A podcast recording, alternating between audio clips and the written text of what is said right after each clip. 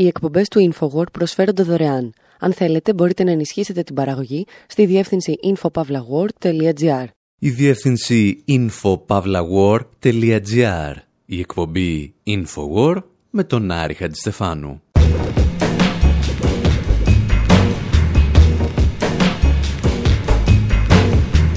Όπου σήμερα συζητάμε για τα πρώτα ονόματα που μας ήρθαν στο μυαλό όταν μάθαμε ότι κρεμάνε φωτογραφίες γυναικών στο κέντρο της Αθήνας για την Παγκόσμια ημέρα της γυναίκας. Προειδοποίηση. Δεν συμμετέχει η Αλεξάνδρα Μητσοτάκη, το πορτρέτο της οποίας κυκλοφόρησε στο κέντρο της Αθήνας με πρωτοβουλία, λένε, της πρεσβείας της Γαλλίας. Εμείς πιάνουμε το όπλο μας και σκοτώνουμε φασίστες μαζί με κάτι κορίτσια της Σοβιετικής Ένωσης. Εισβάλλουμε σε τράπεζες διεκδικώντας ίση μεταχείριση πλούσιων και φτωχών και τελικά πεθαίνουμε σε ένα κρυσφύγετο κάπου στη Φλόριντα. Και ύστερα αλλάζουμε θέμα. Ακούμε τραγουδάκια ενός ανθρώπου που κατάφερε να εξοργήσει την ίδια στιγμή τον Bob Marley και κάτι Γάλλους καταδρομής. Συζητάμε για τον Σέρσκιν Σπουρ που έφυγε πριν από 30 χρόνια. Fell by your gun, fell by your gun, 300 Nazis fell by your gun, fell by your gun,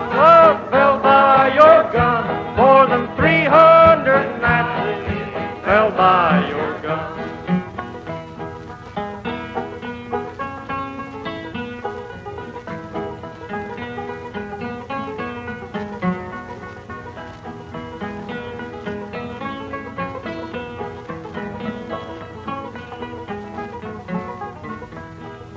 Miss Pavlichenko, well known to fame, Russia's your country, fighting's your game. World will always love you for all time to come. 300 Nazis fell by your gun, fell by your gun, fell by your gun. More than 300 Nazis fell by your gun,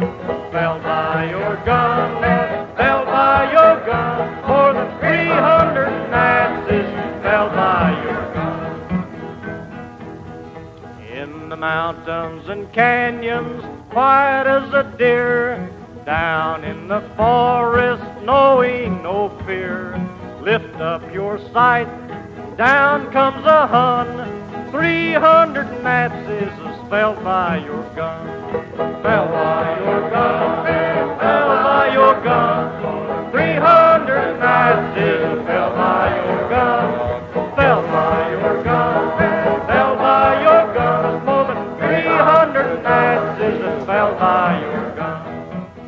Ο Woody Guthrie σε παλαιότερες ευτυχισμένες στιγμές τραγουδάει για μια γυναίκα που σκότωσε 300 ανθρώπους. 300 ναζιστές, λέει, έπεσαν από το όπλο σου, κυρία Παυλιτσέγκο. Αναφέρεται φυσικά στην Λιουντμίλα Παυλιτσέγκο, ελεύθερο σκοπευτή του κόκκινου στρατού, η οποία γλίτωσε την ανθρωπότητα όχι από 300, όπως λέει το τραγούδι, αλλά από 309 ναζιστές. Η Παυλιτσέγκο είχε το παρατσούκλι «Η Λέδη του θανάτου» και πολέμησε στα πρώτα στάδια του πολέμου και στο Ανατολικό μέτωπο, κυρίως κατά τη διάρκεια της πολιορκίας της Οδυσσού και της Σεβαστούπολης. Η Παυλιτσέγκο δεν ήταν φυσικά ένα απλό κοριτσάκι που ήξερε καλό σημάδι. Είχε σπουδάσει ιστορία και έτσι όταν τραυματίστηκε στο πεδίο της μάχης την μετέφεραν στη Μόσχα και σύντομα την έκαναν εκπρόσωπο τύπου των ενόπλων δυνάμεων της Σοβιετικής Ένωσης. Ακριβώς λόγω αυτών των ικανοτήτων της μάλιστα, η Μόσχα την έστειλε και στις Ηνωμένες Πολιτείες, προκειμένου να πείσει την Ουάσιγκτον να ανοίξει ένα δεύτερο μέτωπο εναντίον των δυνάμεων του άξονα Και εκεί γνώρισε τον πρόεδρο Ρούσβελτ και την σύζυγό του, την Ελέανο Ρούσβελτ. Перед вами лейтенант Людмила Павлюченко. Людмила is 26 years old. Я хочу сказать вам, что мы победим. что нет такой силы, которая могла бы помешать και ενώ η Παυλιτσέγκο προσπαθούσε να πείσει τις Ηνωμένες Πολιτείες να ενώσουν τις δυνάμεις τους στη μάχη απέναντι στο φασισμό, οι Αμερικανοί δημοσιογράφοι σε μια συνέντευξη τύπου τις έκαναν περίεργες ερωτήσεις, όπως «Γιατί η φούστα σας είναι τόσο μακριά, ενώ στην Αμερική τα κορίτσια μπορούν να φοράνε πιο κοντές φούστες» Απόδειξη ότι σε ορισμένες περιπτώσεις δημοσιογράφος δεν γεννιέσαι. Καταντάς.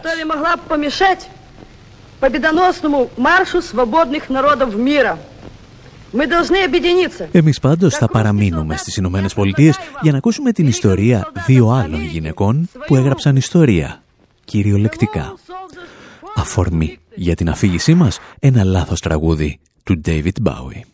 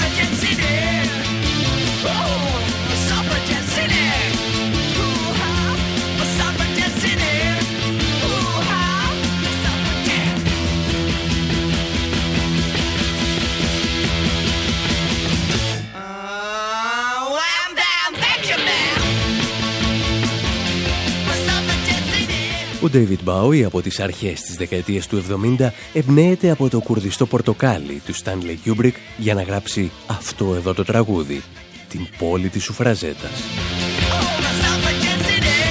Αν και οι περισσότεροι συμφωνούν σήμερα ότι ήταν μία από τις εποχές που ο Μπάουι απλώς πειραματιζόταν με τη σεξουαλικότητά του, κανείς δεν καταλαβαίνει γιατί χρησιμοποιεί την αναφορά στις σουφραζέτες με ελαφρώς αρνητικό τρόπο γεγονός το οποίο δεν θα μας απασχολήσει σήμερα. Για εμάς το τραγούδι είναι απλώς μια πρώτη τάξης ευκαιρία να υπενθυμίσουμε ότι ο όρος σουφραζέτα όταν χρησιμοποιήθηκε για πρώτη φορά στην ιστορία είχε και πάλι αρνητικό πρόσημο. Παρ' όλα αυτά, οι σουφραζέτες θα κλέψουν τελικά τον υποτιμητικό τίτλο και θα του ανατρέψουν το περιεχόμενο. Στο εξής, όποιος δεν τη σέβεται, καλά θα κάνει να τις φοβάται.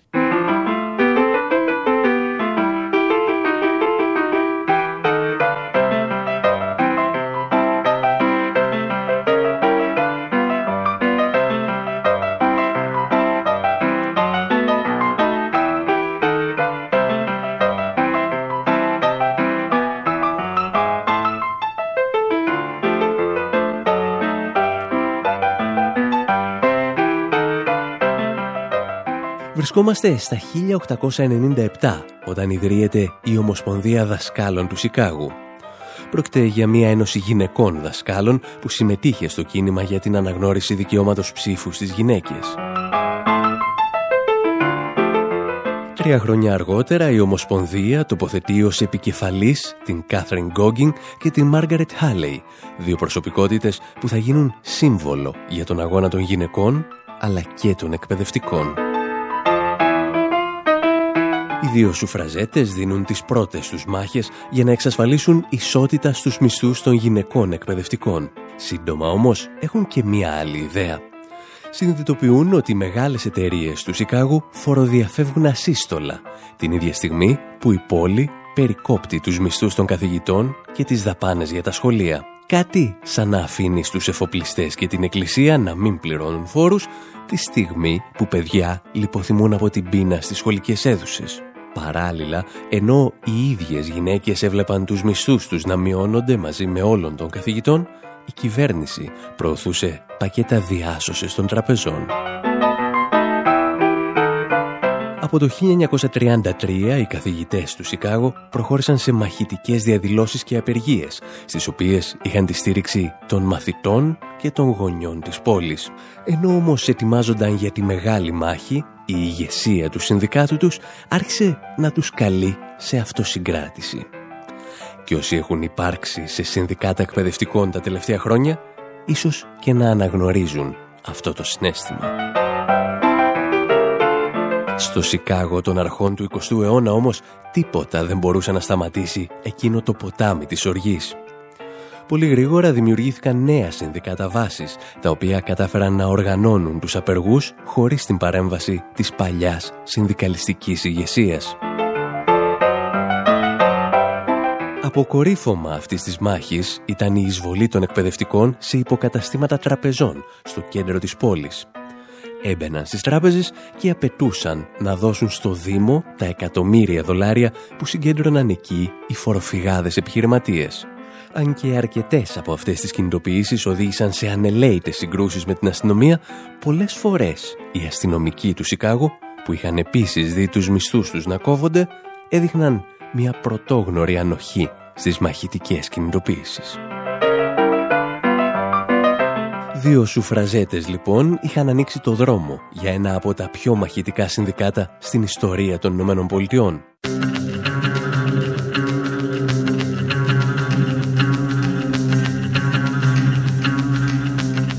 Στην εκπομπή Infowar με τον Άρη Χατζηστεφάνου συζητάμε για ορισμένες από εκείνες τις γυναίκες που δεν περιμένεις να δεις ποτέ σε αφιερώματα για την Παγκόσμια ημέρα της γυναίκας.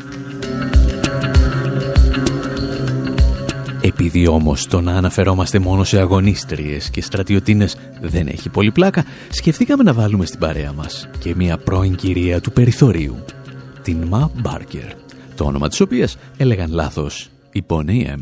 Freeze! I'm Ma Baker. Put your hands in the air. Give me all your money. This is the story of Ma Baker, the meanest cat from old Chicago town.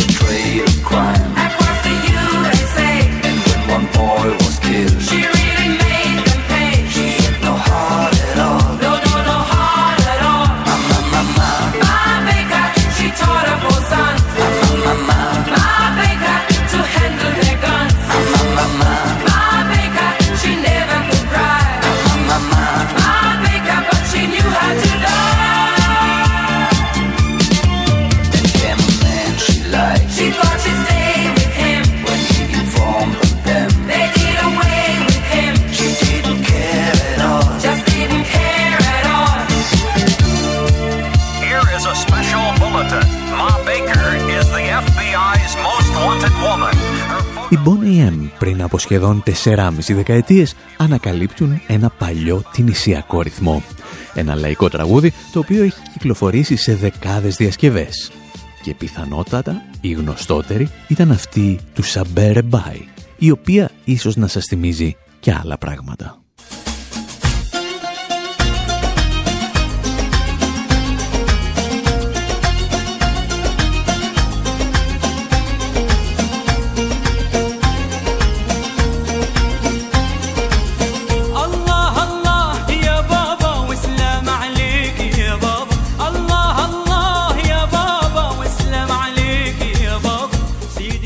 Πριν ανεβείτε στα τραπέζια θα πρέπει να σας επαναφέρουμε στη δεκαετία του 1930 όταν μια οικογένεια κακοποιών σπέρνει τον τρόμο στις μεσοδυτικές πολιτείες της Αμερικής. Πρόκειται για τη συμμορία Barker Capris, τα ηγετικά στοιχεία της οποίας τυχαίνει να είναι παιδιά της Kate Barker. Οι Bonnie M θα αλλάξουν ελαφρώς το όνομά της σε Ma Baker, γιατί τους κάθεται καλύτερα στο τραγούδι.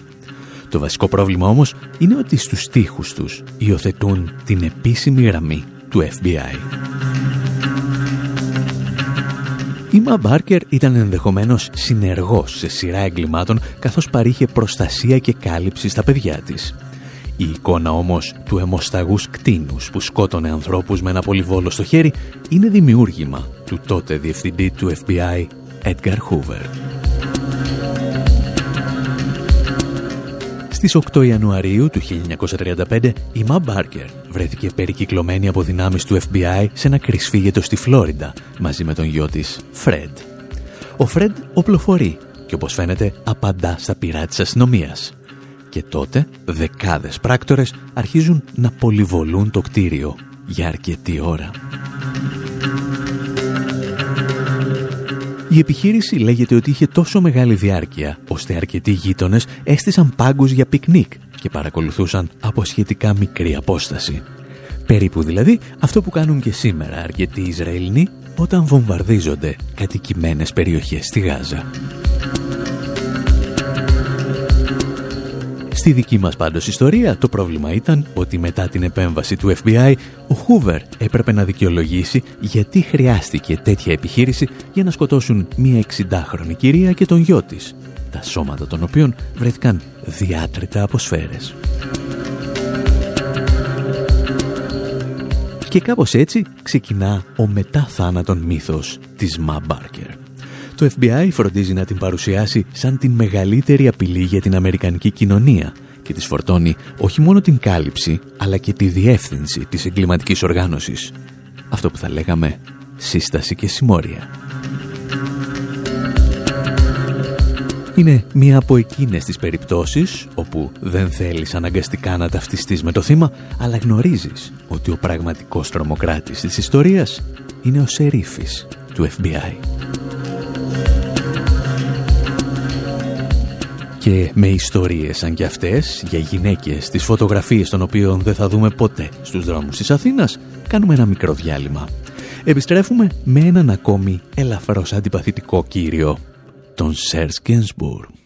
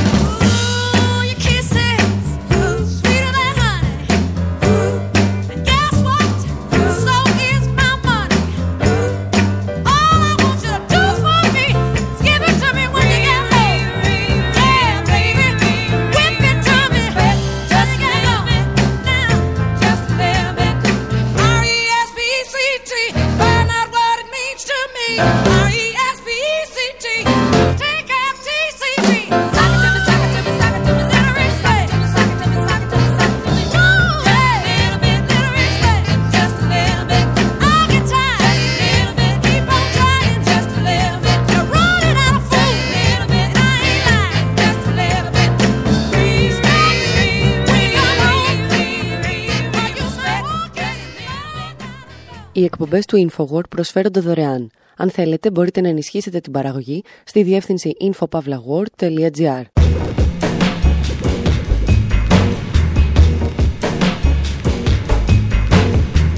Η εκπομπή InfoWord με τον Άρη Χατζηστεφάνου. όπου σήμερα τραγουδάμε για έναν μάλλον κακόφωνο, μάλλον σεξιστή, σίγουρα αλκοολικό και κατά δική του ομολογία κακάσχημο καλλιτέχνη. Θυμόμαστε τον Σέρς Γκένσμπουρ, 30 χρόνια μετά το θάνατό του. Αναρωτιόμαστε γιατί οι Γάλλοι τον ερωτεύτηκαν και πώς κατάφεραν να τον εξάγουν σε όλο τον κόσμο. Και αν αυτή είναι η μεγαλύτερη επιτυχία μετά την κυκλοφορία του Ροκφόρ.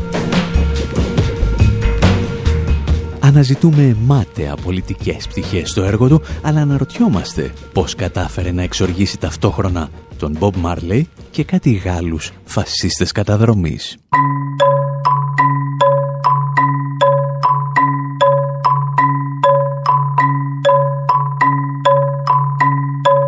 Listen to the organ that I play for you Since you got no choice Hear me through You look as if you like it But you seem reserved. It's my requiem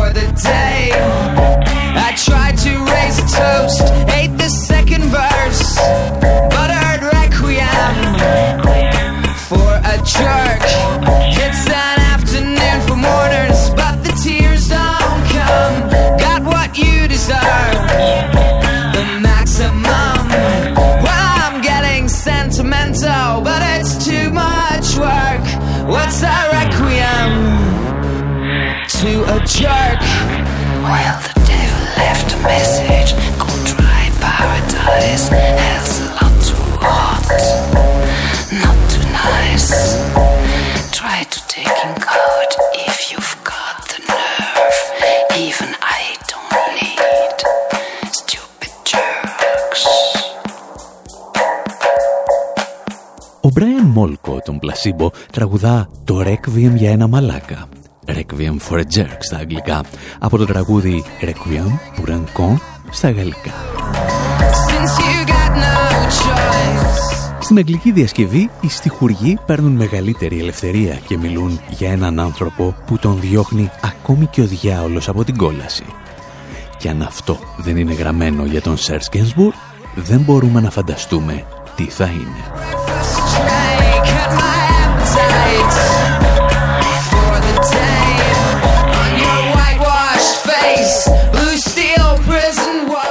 Wall. Πάντως, ένα από τα πλέον ενδιαφέροντα μουσικά στοιχεία του κομματιού είναι ότι δανείζεται στοιχεία από την ένατη συμφωνία του Αντωνίν Τβόρσακ.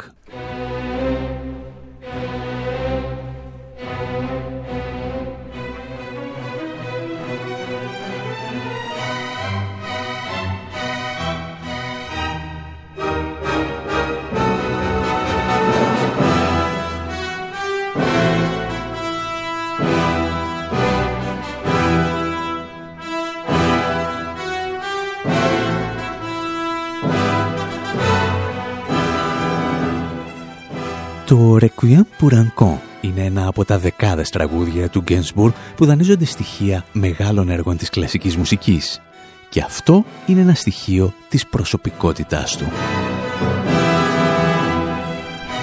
Ο Σέρς που γεννήθηκε ως Λουσιέν Γκίνσμπουρ ήταν ένα παιδί Ρώσων μεταναστών που εγκατέλειψαν τη Ρωσία μετά την Επανάσταση του 1917. Οπότε δεν ξεκινάμε πολύ καλά. Ο πατέρας του είχε σπουδάσει κλασική μουσική και έπαιζε πιάνο σε καμπαρέ και καζίνο και ενδεχομένως αυτός ο συνδυασμός ενέπνευσε τον ήρωά μας στη μουσική, στα ποτά και στις γυναίκες. Το πρώτο στοιχείο όμως που θα επηρεάσει τη ζωή του δεν είναι η ομορφιά της ζωής, αλλά η φρίκη της.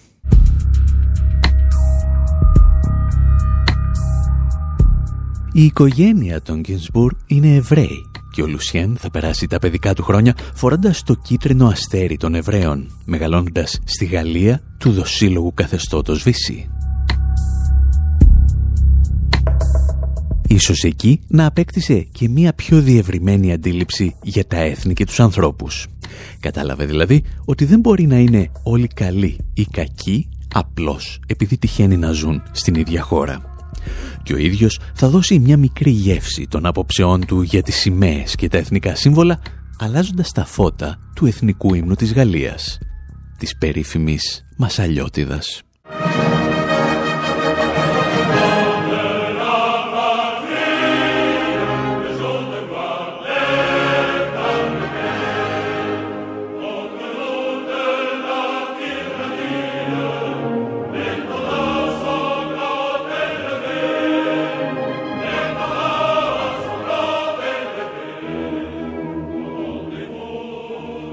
Ο Γκίνσμπουργκ πίστευε ότι ο εθνικός ύμνος της Γαλλίας είναι από τους πιο βίαιους που έχουν υπάρξει στην ιστορία. Και είχε απόλυτο δίκιο. Ειδικά εκείνο το στιχάκι που λέει «Θα ποτίσουμε τα χωράφια μας με το ακάθαρτο αίμα των πρόσων στρατιωτών». Για την ιστορία, την ίδια παρατήρηση είχε κάνει και ο πρώην πρόεδρος της Γαλλίας Βαλερίζης Καρντεστέν όταν δεχόταν επισκέψεις Γερμανών αξιωματούχων. Μήπως έλεγε δεν είναι πολύ ευγενικό να τους λέμε ότι θέλουμε να ποτίζουμε τα σπαρτά μας με το αίμα τους. Το αίτημά του όμως να απομακρυνθεί ο συγκεκριμένος στίχος δεν εισακούστηκε. Ο Σέρτς Γκένσμπουργκ από την πλευρά του σκέφτηκε κάτι χειρότερο. Θα γράψω, είπε, ένα δικό μου τραγούδι με στοιχεία από τη Μασαλιώτιδα και θα το ονομάσω «Ο Ζάρμ Ετσετέρα» τηρουμένων των αναλογιών στην Ελλάδα θα ήταν σαν να λέγαμε «Σε γνωρίζω από την κόψη» και έτσι.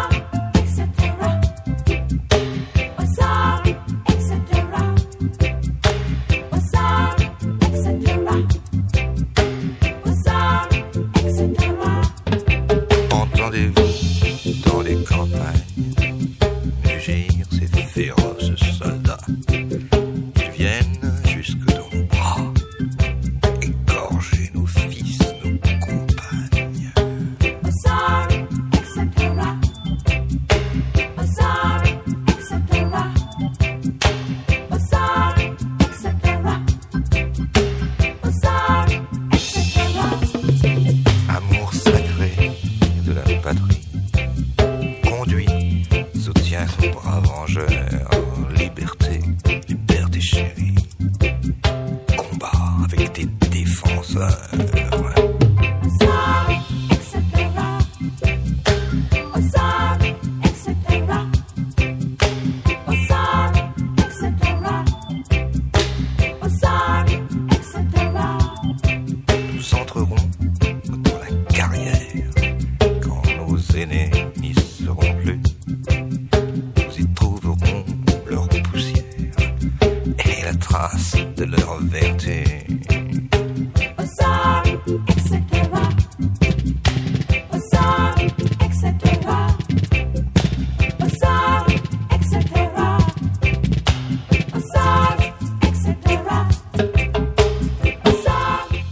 Ιστορία του συγκεκριμένου τραγουδιού ξεκινά το Σεπτέμβριο του 1978 όταν ο Γκένσμπουργκ ταξιδεύει μέχρι το Κίνγκστον, την πρωτεύουσα της Τζαμάικας. Εκεί θα ηχογραφήσει έναν από τους πρώτους δίσκους λευκού καλλιτέχνη με τζαμαϊκανούς μουσικούς. Μεταξύ αυτών των καλλιτεχνών είναι και η γυναίκα του Μπομπ Μάρλεϊ, η Ρίτα. Εκεί ξεκινούν και τα πρώτα προβλήματα, καθώς ο Μάρλεϊ γίνεται έξαλλος με το γεγονός ότι ο Σέρζ έβαζε τη γυναίκα του να τραγουδάει στίχους με σεξουαλικά υπονοούμενα.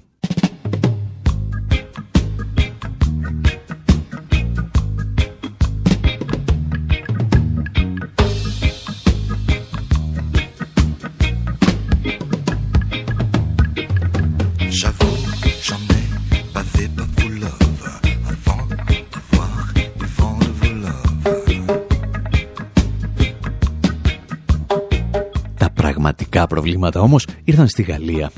Η διασκευή του εθνικού ύμνου προκαλεί οργή στους εθνικιστές. Σε αντίθεση με τις Ηνωμένες Πολιτείες, όπου ο Τζίμι Χέντριξ είχε πειράξει τον ύμνο από το 1969, οι Γάλλοι εθνικιστές δεν μπορούσαν να ανεχτούν έναν άσωτο Εβραίο να τραγουδά τον εθνικό τους ύμνο, συνοδευόμενος από Αφροαμερικανούς με ράστα. Και έτσι αποφάσισαν να του πούν δυο λογάκια από κοντά. Ύστερα από δεκάδες απειλές ότι θα τον δολοφονήσουν και ότι θα τοποθετήσουν εκρηκτικά στις συναυλίες του, μια ομάδα βετεράνων καταδρομέων του Ελκού στρατού εισέβαλε σε μια συναυλία του στο Στρασβούργο. Και τότε ο Σέρς Γκένσμπουρ πήρε το μικρόφωνο και τραγούδισε τη μασαλιώτιδα ακαπέλα. Et je vous demanderai de la chanter avec moi. Allons enfants de la patrie, le jour de gloire est arrivé. Contre nous de la tyrannie, l'étendard sanglant élevé, l'étendard sanglant élevé. Entendez-vous dans nos campagnes nues. Οι φασίστες καταδρομής στην αρχή πάγωσαν. Στη συνέχεια στάθηκαν προσοχή και μετά άρχισαν να τραγουδούν μαζί του. Égorger nos fils, nos compagnes, aux armes citoyens, forez vos bataillons, marchons, marchons. Ο Γκίνσμπουργκ όμως δεν σταμάτησε εκεί. Λίγα χρόνια αργότερα αγόρασε την Μασαλιώτιδα. Σχεδόν την ίδια. Ο Σέρ Γκένσμπουργκ προσέφερε στον εαυτό του τη μασαλιότητα, την πραγματική αυτή του Ρουζέ Ντελίλ, το πρωτότυπο χειρόγραφο το οποίο απέκτησε συνέδωση απληθυριασμών των Βερσαλιών έναντι 137.000 φράγκων.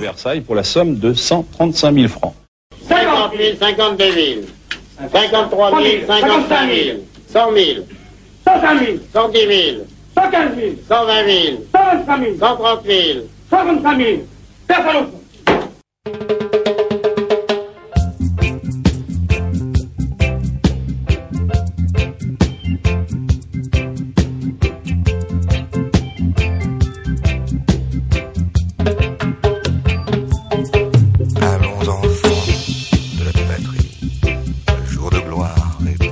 Και στο σημείο αυτό θα αναρωτηθεί κάποιος και είναι καλό να καταφέρεις να συγκινήσεις τους φασίστες που σου απαγορεύουν να παίζεις τη μουσική σου και ύστερα να αγοράσεις τη μασαλιώτιδα σε μια δημοπρασία. Εμείς λέμε κατηγορηματικά όχι. Αλλά ποιοι είμαστε εμείς να σας λέμε τη γνώμη μας. Εμείς απλώς εισιτήρια χτυπάμε, όπως θα έλεγαν και οι Ρέιξ, διασκευάζοντας ένα από τα παλαιότερα τραγούδια του Σέρς Γκένσμπορ.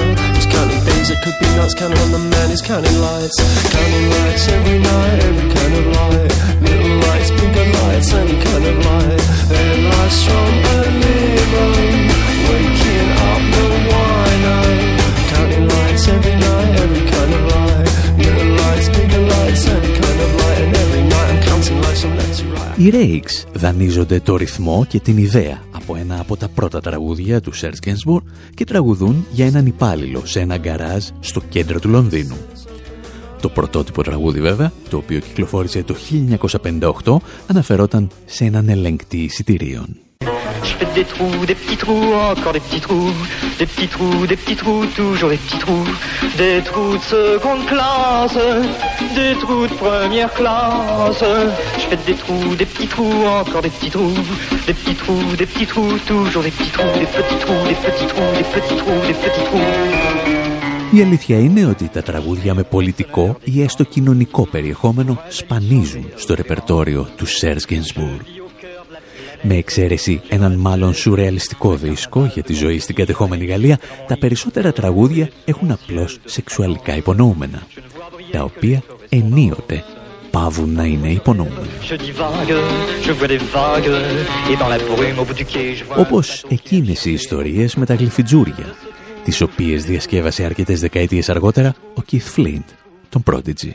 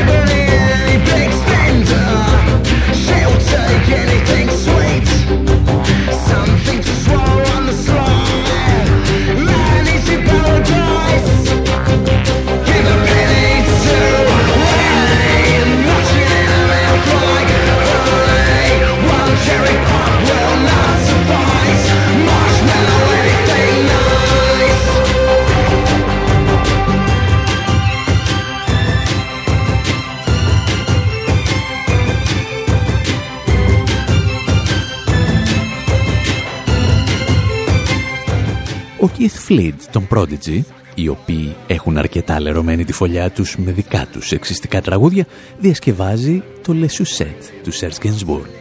Και εκεί συμβαίνει κάτι φρικτό. Ο Σέρς χρησιμοποιεί ένα 18χρονο κορίτσι, την Franz Geil, η οποία δεν καταλαβαίνει, όπως λέει, ότι όλο το τραγούδι ήταν μια παρομοίωση για τον στοματικό έρωτα.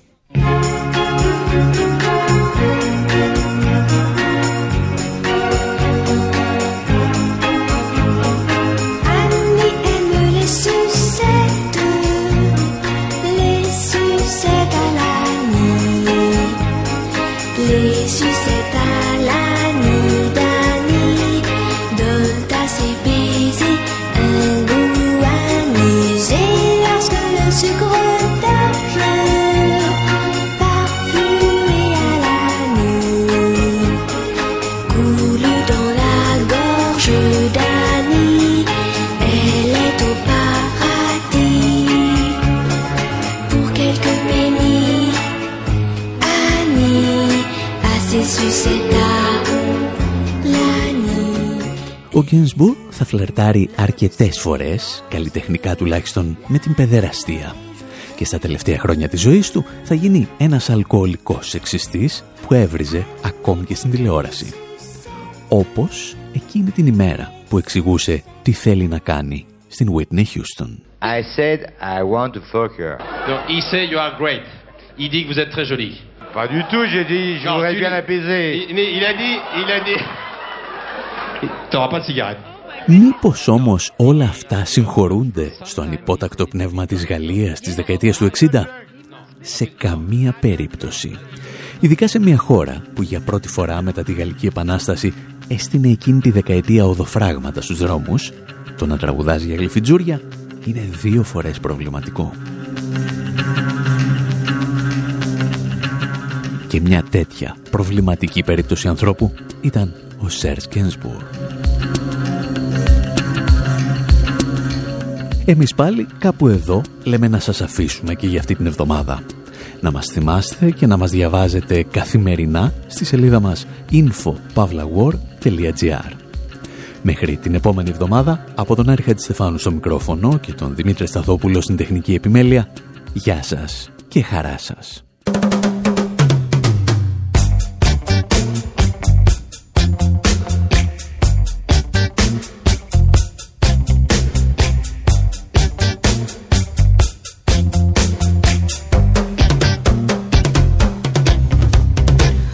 Do you dare talk of love if you've never known Lola Rastaquera? She thought she was a he, he thought he was a she, but neither of them knew really.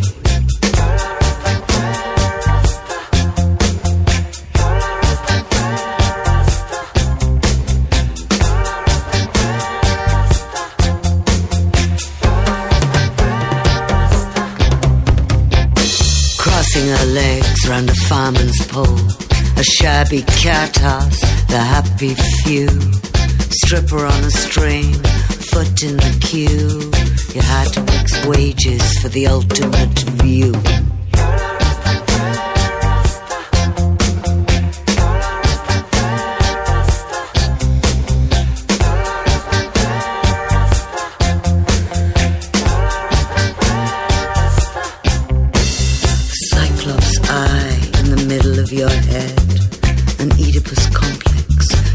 Deep in the sea.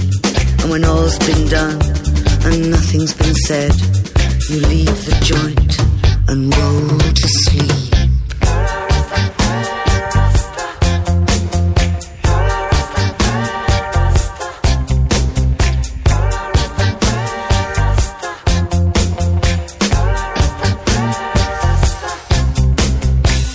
You run your fingers through her hair between you and me.